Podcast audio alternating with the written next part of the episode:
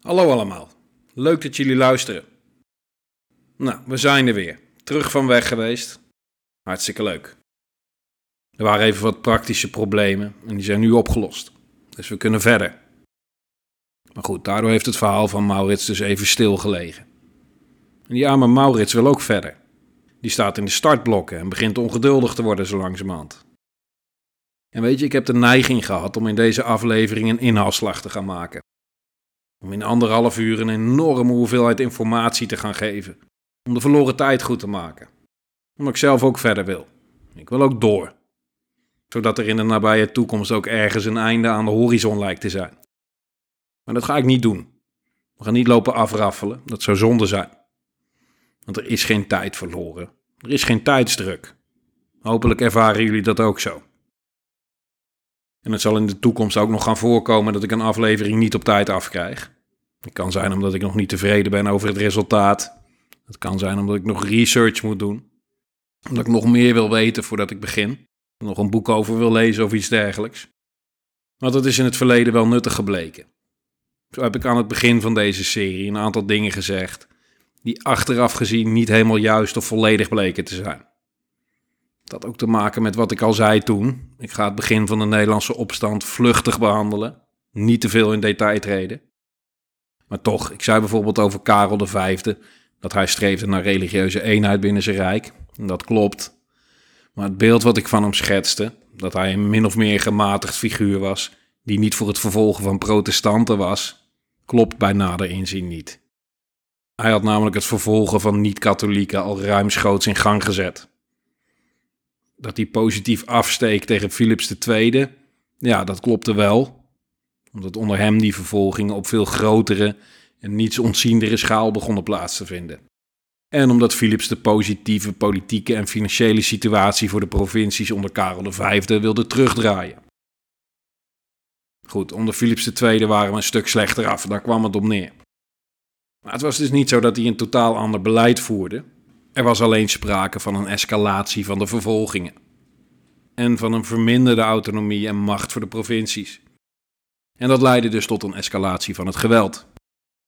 Tot zover even dat. Een goed voorbeeld dus voor mij. Waar ik iets te kort door de bocht ben gegaan, omdat ik een onderwerp te vluchtig heb bestudeerd. En daarom dingen heb laten liggen. En dat wil ik voorkomen, zoveel mogelijk. Om alle bijzaken uitgebreid en volledig te onderzoeken wordt gewoon te veel. Dat is een studie van jaren en het moet leuk blijven. Dit is een hobby. Het zal dus nog wel eens voorkomen dat ik iets over het hoofd zie of dat ik iets niet helemaal goed heb. Dat is onvermijdelijk.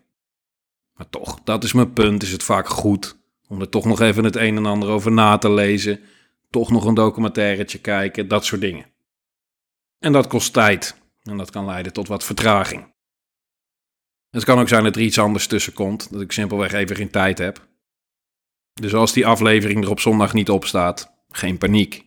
Vertrouw erop dat hij dan de volgende week of die daarna gewoon komt. Voor nu gaan we verder waar we gebleven waren, in hetzelfde format als je gewend bent. We zijn in 1597. En dat zou op zijn zachtst gezegd een tumultueus jaar gaan worden. Dat was het eigenlijk al, want de slag bij Turnhout was in februari dat jaar. Ook de rest van het jaar gaat er veel gebeuren. Het wordt een hete zomer in Nederland. Er gaat dusdanig veel gebeuren dat we het in deze aflevering niet gaan redden om het allemaal te vertellen. We gaan hem in tweeën verdelen. In drieën dus eigenlijk, met Turnhout erbij. Drie afleveringen over het jaar 97 worden het dus. Hopelijk wordt het in de loop van het verhaal duidelijk waarom dit jaar er zo uitspringt. En ik ga er niet te snel overheen. Er moet een hoop achtergrondinformatie worden behandeld. Die informatie is nuttig voor de bredere context van het verhaal, dus die ga ik niet laten liggen. Dat betekent dus dat we het ook over aanleidingen en achtergronden gaan hebben. Dat doen we meestal wel, maar nu nog iets meer. Het is wel even belangrijk om een stevig fundament te leggen voordat we de gevechtsacties zelf gaan bespreken. De situatie voor de Spanjaarden en de Republiek, de financiële, geopolitieke situatie, maar ook de samenstelling van de krijgsmacht en de rol die dat speelde in onze samenleving. En we diepen de werkwijze van Maurits nog even uit. Kortom, best wel veel achtergrond om te bespreken. En helaas kunnen we daardoor even geen grote stappen maken in het verhaal. Geen grote tijdvlakken behandelen. Maar het zou zonde zijn om hier te snel overheen te gaan. Hopelijk lukt het Maurits wel om terrein te winnen. We gaan het zien. Dus zonder verder oponthoud.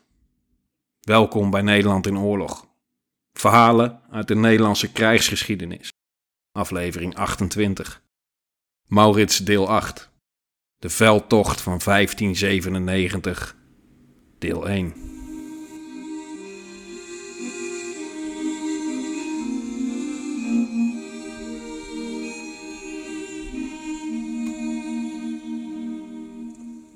Het jaar 1597 was goed begonnen. Overwinning bij Turnhout was een mooi resultaat. En die operatie vond vroeg in het jaar plaats. Dus er ligt nog een heel campagneseizoen voor ons. Tenminste, als de Staten-Generaal over de brug komen met geld. Want die moeten ervoor betalen. We hebben het de vorige keren besproken. Het gaat eigenlijk elke keer over geld. Dus dat weten we. De financiële kant van dit verhaal. Althans, ongeveer. De verschillende provincies betaalden contributie, zullen we maar zeggen. En als grootste provincie droeg Holland het meeste bij, met aan het hoofd van Oldenbarneveld. En die was een absoluut voorvechter van de opstand, dat lijkt me duidelijk. Maar toch spelen er op de achtergrond andere zaken. Politieke zaken. Dingen die wij als gewone sterveling niet begrijpen. Die op ons als onlogisch of tegenstrijdig kunnen overkomen. En die we over het hoofd zien. De complexiteit van een financieel systeem van een land is groot. Van Oldenbarneveld zette bijvoorbeeld heel erg in op economie. Investeerde in de voorcompagnie, wat later de VOC zou worden. Die moest beschermd worden. Dus moest er een vloot zijn. Dan was er nog de Europese handel die op gang moest worden gebracht en de onderlinge nationale handel. Daarvoor was infrastructuur nodig en ook daar moest geld voor worden vrijgemaakt. De garnizoenen voor de bescherming van steden moesten betaald worden en dan had je nog het peperdure veldleger van Maurits. Eén van de prioriteiten dus, niet per se altijd de hoogste. Dat kwam dus omdat Van Oldenbarneveld aan de ene kant zijn eigen visie moest volgen en aan de andere kant iedereen tevreden moest houden. En dat had nog een reden. Maurits had veel macht. Was een rijk man met veel invloed. Een generaal heeft de loyaliteit van zijn leger. De invloed van Van Oldenbarneveld op dat leger was beperkt, behalve als het gaat om de financiën. Daar had hij invloed op. En daarom gaf hij Maurits meestal net genoeg. Niet ruim voldoende, maar net genoeg. Want in zijn achterhoofd zat een potentiële machtsstrijd. En die is niet ver gezocht. Het leger is ervoor om de politiek te dienen. Maar wat nou als een generaal als Maurits zelf politiek wil gaan bedrijven? Dan heeft hij de militaire macht om zijn wil op te leggen en wat heb je dan als staten-generaal om daar tegenover te zetten? Kijk naar het oude Rome. De generaal met het sterkste leger kon zo een greep naar de macht doen. En dat gebeurde met grote regelmaat. Dus dat van Oldenbarneveld, machtspolitiek schaakspeler als die was, er een potentieel risico in zag, is logisch. Hoe groot op dit moment de dreiging was vanuit Maurits, weet ik niet. Ik denk beperkt. Maurits vond politiek niet interessant. Maar wat als? Als je meerdere zetten vooruit denkt, is er wel degelijk een potentieel risico. Van Oldenbarneveld kon het zich niet veroorloven om een man als Maurits blindelings te vertrouwen. En nu liep het nog goed. Nu hadden ze elkaar nodig. En dat moest zo blijven. En daarvoor moest die Maurits tevreden houden en sterk. Maar tevreden en sterk genoeg. Te sterk en tevreden is een risico. Niet sterk genoeg en ontevreden, geen optie. Het was een situatie waarin er dus een wederzijdse afhankelijkheid moest zijn, waar beide partijen elkaar nodig hadden en elkaar versterkten. Een machtsbalans zoals het in een echte democratie werkt. En die was er dus. Voorlopig waren ze allebei dat ene been waar je niet op kan lopen. Beide hadden daar dat andere been voor nodig. En daar zou het voorlopig even bij blijven, bij lopen. Want om te rennen was er meer nodig in het voorjaar van 1597. Het leger van Maurits had geen financiële problemen. Er kwam genoeg binnen om salarissen netjes te betalen en een mannetje of 6000 op de been te houden. Te trainen, het uittesten van nieuwe systemen. Verdedigende taken waren gewaarborgd. Verder was het afwachten. Hopen op een financiële impuls om te kunnen uitbreiden of in het offensief te kunnen gaan. In de tussentijd kwam er een andere mogelijkheid, om maar weer eens met een list een stad te veroveren. Het idee was vergelijkbaar met het turfschip van Breda. Venlo was dit keer het doelwit. Het plan was goed en het verliep in eerste instantie ook goed. De schildwachten werden overmeesterd en de poort werd geopend. Maar toen. Hevige regenval had voor vertraging gezorgd. En van de kleine bemanning van de naar binnen geloodste schepen weigerden de wapens. En het werd al licht. Ze werden opgemerkt. En de poort werd weer gesloten voordat de versterking arriveerde. Het liep uit op een debakel. De aanvallers werden overmeesterd of gedood. De twee schippers werden enkele dagen later opgehangen. Andere manschappen wisten zich verscholen te houden en konden uiteindelijk vermomd als burger uit de stad ontsnappen. Dat is ook nog wel een heel avontuur geweest. Daar kan je je wel een voorstelling bij maken, denk ik. De inname van Venlo was mislukt. Je ziet het, dit soort listen werken niet altijd. Er valt een grote prijs te behalen voor een lage inzet. Maar als het misgaat, dan is er geen plan B. Het moet werken, anders heb je pech. En vooral de soldaten die de actie moesten uitvoeren hadden pech. Dat zag je hier bij Venlo ook, die zitten direct als ratten in de val. En voor hun is het lastig relativeren op dat moment. Die zullen het niet hebben gevoeld als een kleinschalig verlies van een handjevol manschappen. Wat het in het grote verhaal uiteindelijk natuurlijk wel is. Maar die moesten daar een leven geven op een enkeling na. Maar goed, you can't win them all, dacht Maurits. We moeten door. Aan het plan had het niet gelegen. Het was een vervelende samenloop van omstandigheden geweest. Het risico van het vak. Dat is oorlog. Maurits besloot Venlo verder met rust te laten. Een belegering zat er niet in. Daar had hij gewoon niet genoeg troepen voor op dit moment. De komende twee maanden hield Maurits zijn leger bijeen en werden er geen offensieven ondernomen.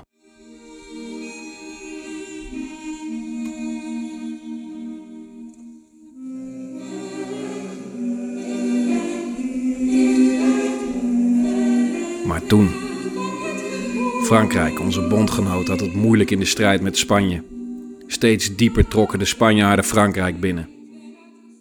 Dus de Fransen gingen hun troepen terugtrekken uit de zuidelijke Nederlanden om Parijs te beschermen. Een begrijpelijke zet van de Fransen, maar potentieel dramatisch voor Nederland. Grote hoeveelheden Spaanse troepen zouden vrijkomen die daar op dat moment gebonden waren. En die zouden dan allemaal ingezet kunnen worden tegen ons. Wat nu? Ons leger was op dat moment net in staat om zijn verdedigende taken uit te voeren, maar veel meer ook niet. Het voortbestaan van de republiek stond op het spel. Van Olde Barneveld wist dat dit een existentiële dreiging was. Dit was dat omslagmoment waar ik het de vorige keer over had. Dat moment wat nodig was om echt weer even de spaarpotten om te gaan keren. Waar de vrijblijvendheid weg was. Er moest geld worden bijgelegd. Niet zoals normaal dat de provincies bijdroegen wat ze konden missen. Maar dit keer gedwongen. Alles afstaan wat je hebt. En of Van Oldenbarneveld dat de Staten-Generaal nog moest uitleggen, of dat ze de noodzaak direct zagen, weet ik niet. Maar het gebeurde. Wie weet was dit zo'n moment waarvan Oldenbarneveld echt even met zijn vuist op tafel heeft geslagen. Mensen figuurlijk bij de strot heeft gegrepen. Misschien wel letterlijk trouwens. Hup, zakken leegmaken en snel. Heel gauw opschieten nu. Geen gemaar, het moet. En ja, toen bleken de Nederlandse zakken toch wat dieper dan verwacht. En dus kwam er geld vrij voor het leger van Maurits. Een vette financiële impuls. En zoals we weten wist Maurits daar wel raad mee. Hij had de infrastructuur en de faciliteiten om in korte tijd drastisch uit te breiden en zijn reservisten op te roepen en te huisvesten. Om verse huurlingen aan te trekken en op te leiden. En klaar te stomen voor operationele inzet. En zo werd er al snel een behoorlijk leger opgebouwd. Ondertussen ging het aan de kant van de vijand weer net anders aan toe. De Spanjaarden deden gewoon hun ding, zoals we ze kennen. Op meerdere fronten oorlog voeren, met het oude vertrouwde beproefde recept. Ernstige, onaflatende financiële problemen. En ze hadden nu ook alsmaar groeiende strategische problemen. Door de massale influx van Franse eenheden in Noord-Frankrijk. En die hadden nu Amiens bezet. De bevelhebber van het leger van Vlaanderen, onze vriend, de aartshertog Albrecht, kwam hierdoor voor een dilemma te staan. Het was aan de ene kant een ideaal moment om een grote veldtocht in Nederland te houden, maar het belangrijke Amiens moest ook worden ontzet. Hij koos voor Amiens. En dus trok een groot en belangrijk deel van het Spaanse veldleger naar het zuiden. En dus lagen er ineens mogelijkheden voor Nederland. Grote mogelijkheden. Het leger wat met spoed op de been was gebracht om de Spanjaarden ten nauwe nood te kunnen stoppen, kon nu ineens worden ingezet om zelf iets te ondernemen. En Maurits stond al in de startblokken. Het startschot werd gegeven en boem, weg was die. Hij aarzelde geen moment. Hij trok met zijn leger naar het oosten, want daar lagen een aantal steden voor het grijpen.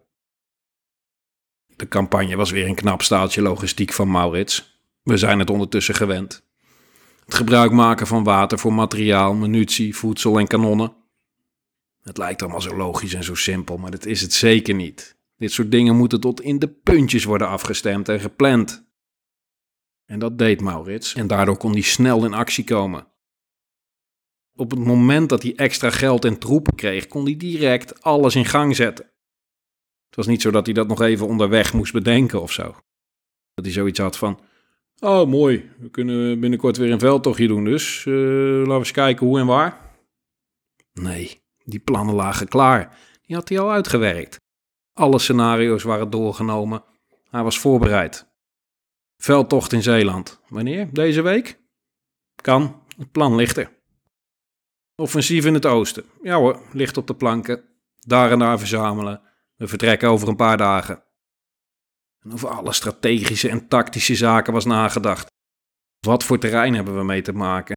Is er hoge grond? Wat kunnen we droogleggen of inunderen? Waar zijn de toegangswegen, de waterwegen? Hoe kan ik mijn troepen bevoorraden? Waar slaan we ons kamp op? Wat is de beste volgorde om aan te houden? Wat pakken we eerst en hoe buiten we dat uit? En dan nog alle informatie over de steden zelf in acht nemen. Hoe wordt het verdedigd? Door wie wordt het verdedigd? Alles. Kijk, als ik zeg hij was een goed planner, dan heb je waarschijnlijk hetzelfde als ik zou hebben. Oké, mooi. Weten we dat ook weer. Maar wat hield dat in dan? Nou ja, dit dus, wat ik hiervoor beschreef. En nog veel meer. En als je dat dan ziet, de complexiteit van dit soort operaties, het organisatorisch talent wat je daarvoor nodig hebt, dat kan je alleen als je zeer intelligent bent. En dat was Maurits dus, want hij was een meesterplanner. Ik weet het, ik heb het al vaker gezegd. Ik herhaal het toch nog maar eens. Want je moet het zo zien, op het moment dat ik over deze campagnes lees, ben ik in de zoektocht naar de persoon Maurits. Naar de veldheer Maurits, de generaal. Net als jullie ben ik naar op zoek. Je luistert naar de weg ernaartoe, niet naar de eindconclusie. En tussendoor, tijdens die zoektocht, loop ik steeds tegen een aantal dingen aan. En dat zijn precies die dingen waar ik naar op zoek ben, namelijk... Wat was het nou wat Maurits deed, waardoor hij zich onderscheidde? Waardoor werd hij gezien en wordt hij gezien als een bijzonder generaal? Wat maakte hem bijzonder? Waar was hij nou zo goed in? Want dat heb ik ook al eerder gezegd, met algemene termen zoals hij was een militair genie, een militair hervormer, hij was een succesvol generaal. Neem ik geen genoegen. Wat was er dan zo geniaal? Wat hervormde hij dan? En wat waren dan die successen die hij behaalde? En hoe kwam hij tot die successen? Nou, en dan loop je er steeds tegen een aantal dingen aan die er echt uitspringen. Die als een rode draad door dit verhaal heen lopen. En één daarvan is misschien wel de meest opvallende eigenschap, de meest prominente, de meest onderscheidende. En dat was de planning die hij erop nahield. Zijn uiterst deskundige en uiterst grondige voorbereiding. Hij was iemand die elk schakeltje in de ketting wilde kennen, want je bent zo sterk als je zwakste schakel.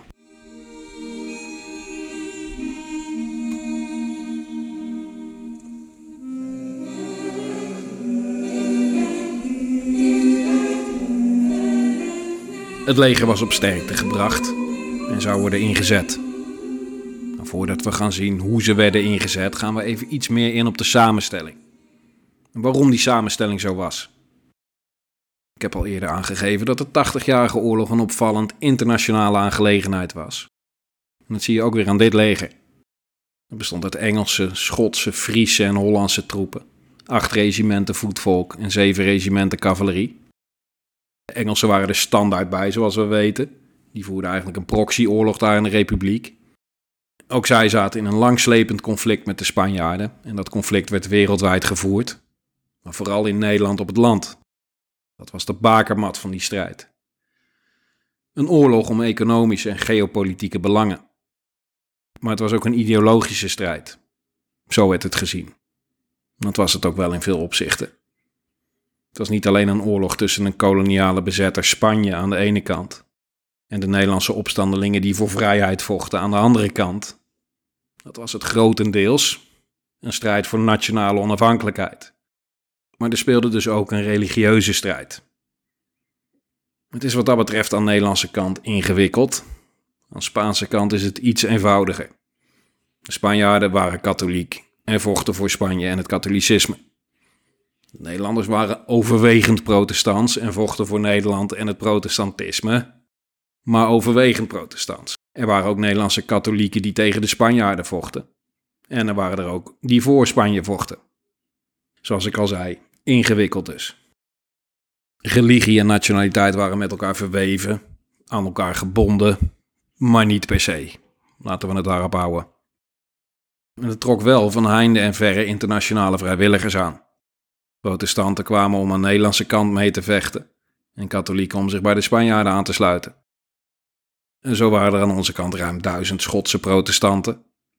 En verder dus Engelsen, Belgen, Fransen, Zwitsers en Duitsers. Veel Duitsers.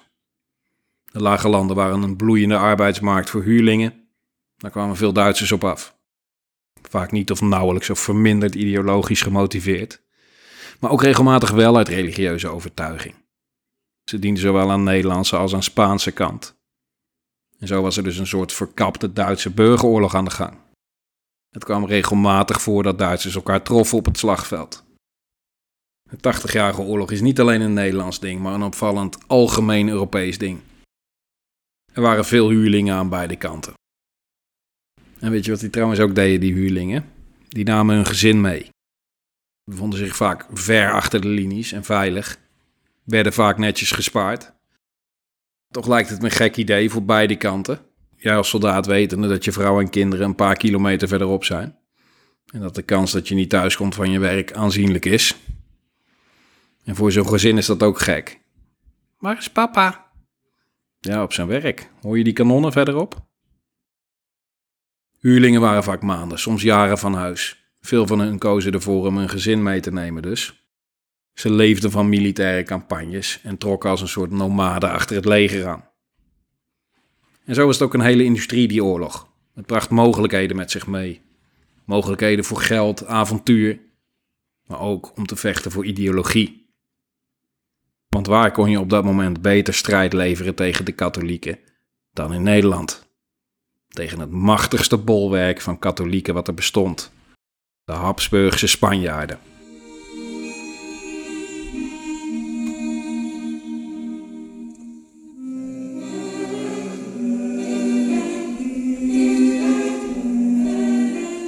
Konden ze goed gebruiken. Die extra mankracht was hard nodig. De Verenigde Provincies van Nederland hadden op dat moment een 2 miljoen inwoners ongeveer. De meeste mannen dienden in het leger. En een man was je toen vanaf je zestiende. De meeste dienden in schutterijen en milities. Die werden vooral ingezet om steden en dorpen te verdedigen, als garnizoenstroepen. En in de scheepvaart. Vrijwel de gehele beroepsbevolking had dus een militaire functie dan wel op zee, dan wel op land. De garnizoenen waren enorm. Bijvoorbeeld de stad Utrecht telde een permanente bezetting van 5000 man. Dus enorm veel mankracht was er niet meer om ook nog een groot veldleger op de been te brengen. Enkele duizenden. Met name uit steden in het hart van Nederland, die niet direct bedreigd werden door de Spanjaarden. Steden in het gewest Holland dus en Utrecht. De rijkeren waren meestal ruiters en werden ingedeeld in cavalerieregimenten. En de minder rijken, of de armen, waren het voetvolk, de infanterie.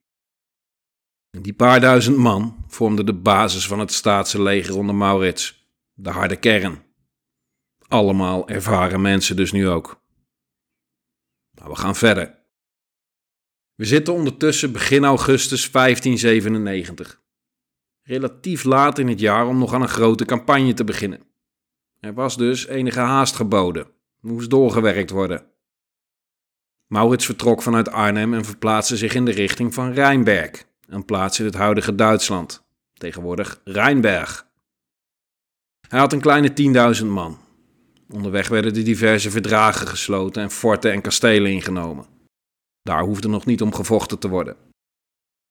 Rijnberg was een belangrijke plaats. Van daaruit konden steden in de graafschappen Zutphen, Twente en Lingen worden ingenomen. Het moest gaan dienen als uitvalsbasis. Onderweg ernaartoe pakten ze trouwens het Duitse Alphen mee. Deze plaats schatten ze mogelijkheden tegen Maurits zo laag in dat ze bij het zien van het staatse leger zich al overgaven. Dat altijd zo gaan, dat zou lekker zijn. Dat is de ideale situatie. Maar nu was Rijnberg aan de beurt. De belegering begon en verliep volgens plan. In een moordend tempo werden de voorbereidingen getroffen.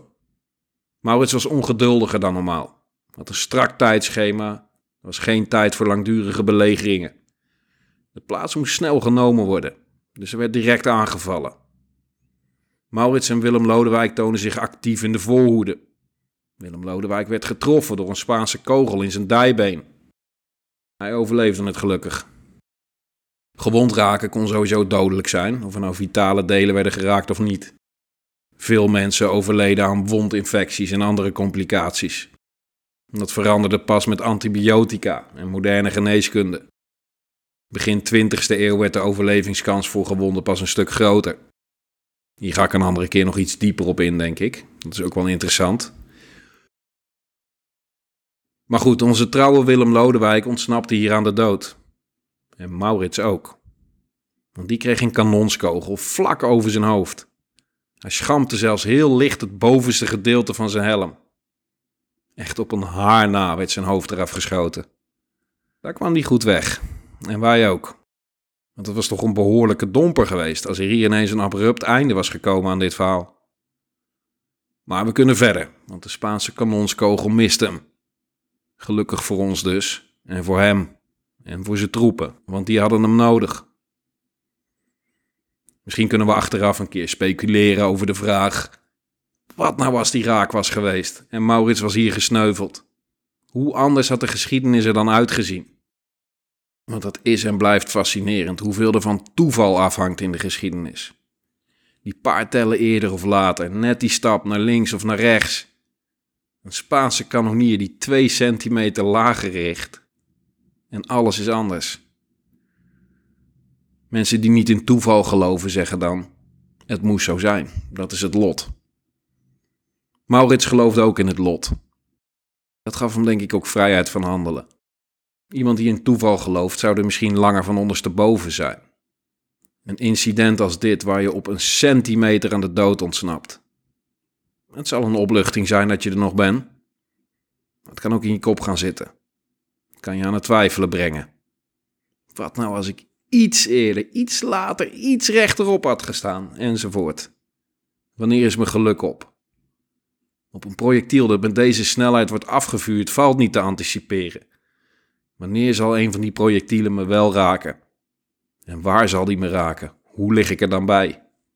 Fijn, dat dus. Gevoelens en gedachten waar veel soldaten mee rondlopen. En Maurits? Wellicht ook, maar ogenschijnlijk niet. En dat valt te verklaren door zijn geloof. Hij zal simpelweg hebben gedacht: het was nog niet mijn tijd. Het moest zo zijn. Blijkbaar staat God aan mijn kant. Het is voorbestemd.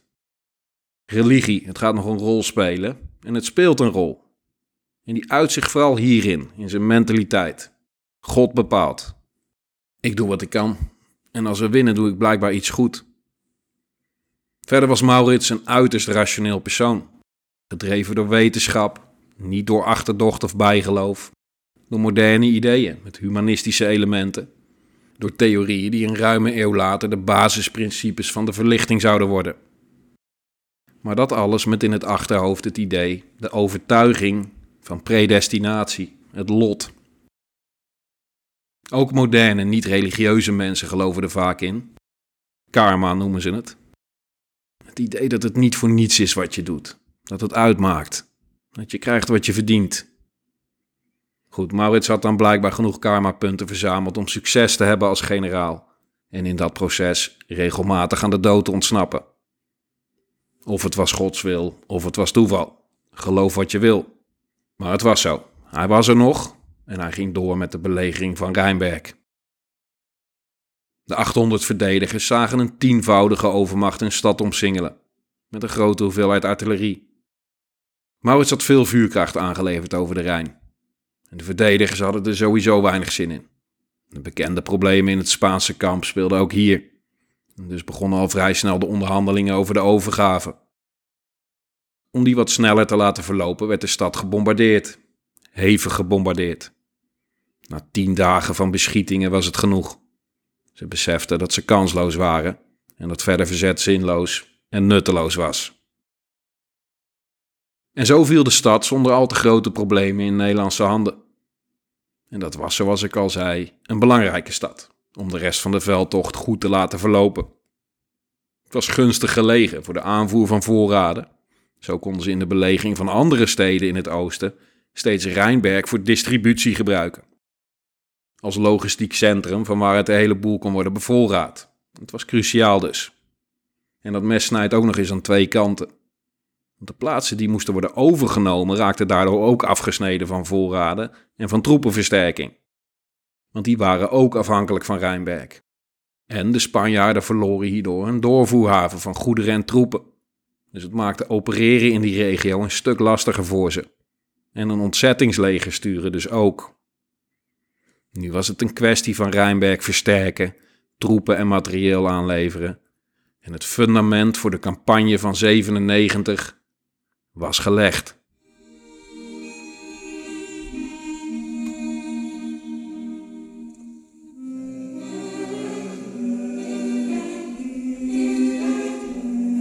Twee weken later ging het grote offensief van start.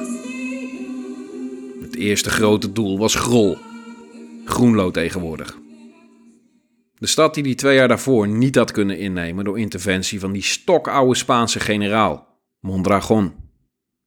Maar ditmaal zou het Mondragon niet lukken om tussen beiden te komen. Hij was verhinderd. Definitief. Hij was namelijk op de respectabele leeftijd van 93 overleden. En had tot het einde toe zijn beroep uitgeoefend. Een oude legende. Hij heeft in het begin van de opstand zelfs nog onder Alva gediend en daarna onder al zijn opvolgers. Rekessens, Parma, von Mansveld en uiteindelijk Albrecht. De man heeft een tijdje meegelopen. Is altijd blijven innoveren, met geen verstokte oude man. Hield zich bezig met spionageactiviteiten en ontwikkelde nuttige tactische methodes. Had een onaflatende interesse voor het militaire vak, tot het einde toe. Hij heeft langdurig en uitstekend gediend. En vooral langdurig, een dikke 60 jaar. En het is niet zo dat de generaals nu op waren. Hij werd gewoon vervangen door iemand anders natuurlijk. Maar toch, een van de beste Spaanse leiders was overleden. 60 jaar ervaring, kennis, talent en passie gingen verloren. Een militair leven, zijn levenswerk. Een geduchte tegenstander. Maar aan alles komt een eind. Zelfs aan Cristobal de Mondragon. Maurits was onderweg naar Grol. Voordat ze daar aankwamen, moesten ze eerst nog Meurs innemen. Het werd een beetje hetzelfde verhaal als Rijnberg. Een keurig uitgevoerde belegering in moordend tempo, met veel vuurkracht en overmacht. Het enige verschil met Rijnberg is dat Meurs zich al binnen een week overgaf. Die kunnen we ook afvinken. Dit ging goed, volgens plan, voortvarend. Tot zover de routineklusjes. Nu kwam de echte uitdaging. Grol. Belangrijke stad in het oosten door zijn ligging aan de Duitse grens. Het lag strategisch op de handelsroute tussen Duitsland en Nederlandse Hansesteden zoals Deventer en Zutphen. Grol lag in een moeilijk bereikbare regio met bossen en moerassen. Sinds 1580 was het al in Spaanse handen en diende als garnizoensplaats voor het leger van Vlaanderen. Het was een vesting van serieus formaat. Door de jaren heen steeds verder uitgebouwd met de stadsgracht, bolwerken en een sterke stadsmuur en grote hoeveelheden kanonnen. Van daaruit kon de hele omgeving gecontroleerd worden De Spanjaarden domineerden het gebied en maakten het onveilig door plunderingen en rooftochten. En dat moest stoppen. Mede daarom moest Grol worden veroverd. Maurits had ongeveer 8000 man ter beschikking nu. De Engelsen waren er ook weer bij, 1100 man, geleid door de broer van Francis Veer, Horace. Francis was nog aan het revalideren van zijn verwondingen die hij had opgelopen bij Turnhout. Een andere opvallende nieuwkomer in het leger van Maurits was, tromgeroffel, Frederik Hendrik, prins van Oranje, zijn halfbroer. Jong geleerd, oud gedaan, zeggen ze. En je kan niet jong genoeg beginnen. Onze Frederik Hendrik was op dat moment 13 jaren jong. 13 inderdaad. Zijn militaire carrière stond hier letterlijk in de kinderschoenen. Hij was een van die twijgjes, weet je nog? Die groeide uit die afgezaagde boomstronk die Willem van Oranje symboliseerde. De een was Maurits en dat was ondertussen een boom geworden. Frederik Hendrik was de andere en ook hij zou uitgroeien tot een boom. Maar we gaan niet te veel vooruitlopen op de zaken, want dat is toekomstmuziek. Voorlopig is het hooguit een puber. En hier dus ook aanwezig bij het beleg van Grol. Te jong om echt invloed te hebben op de strijd, maar niet te jong om te leren, om ervaring op te doen, indrukken op te doen of indruk te maken. Goed, we zijn lekker op weg. We liggen op schema en we kunnen ons gaan concentreren op het beleg van Grol. Maar dat gaan we de volgende keer doen. Het is een beetje flauw, ik weet het. Net nu het echt spannend wordt. Nu het eenvoudige werk voorbij is en we voor een grote uitdaging staan, stop de aflevering. Maar ik zei al, deze aflevering staat in het teken van de bredere context, de aanloop en het begin van de veldtocht. Het fundament is gelegd en daar kunnen we de volgende keer op verder bouwen. En dan pakken we het verhaal op als Maurits dat vervelende grol gaat proberen in te nemen. Met Jan van Stierum aan het hoofd van de Spaanse troepen. De vorige keer nog vol bravoure. En zei dat hij die stad tot de laatste man zou verdedigen voor Philips II. Dat was er toen niet van gekomen. Maar zou hij die grote woorden nu moeten gaan waarmaken? Of zou blijken dat het slechts grote woorden waren? Zou het Maurits met Frederik Hendrik dit keer lukken om de stad in te nemen? Of zouden de Spanjaarden het ditmaal zonder Mondragon wederom kunnen ontzetten? Dat alles en nog veel meer hoor je in de volgende aflevering van Nederland in Oorlog.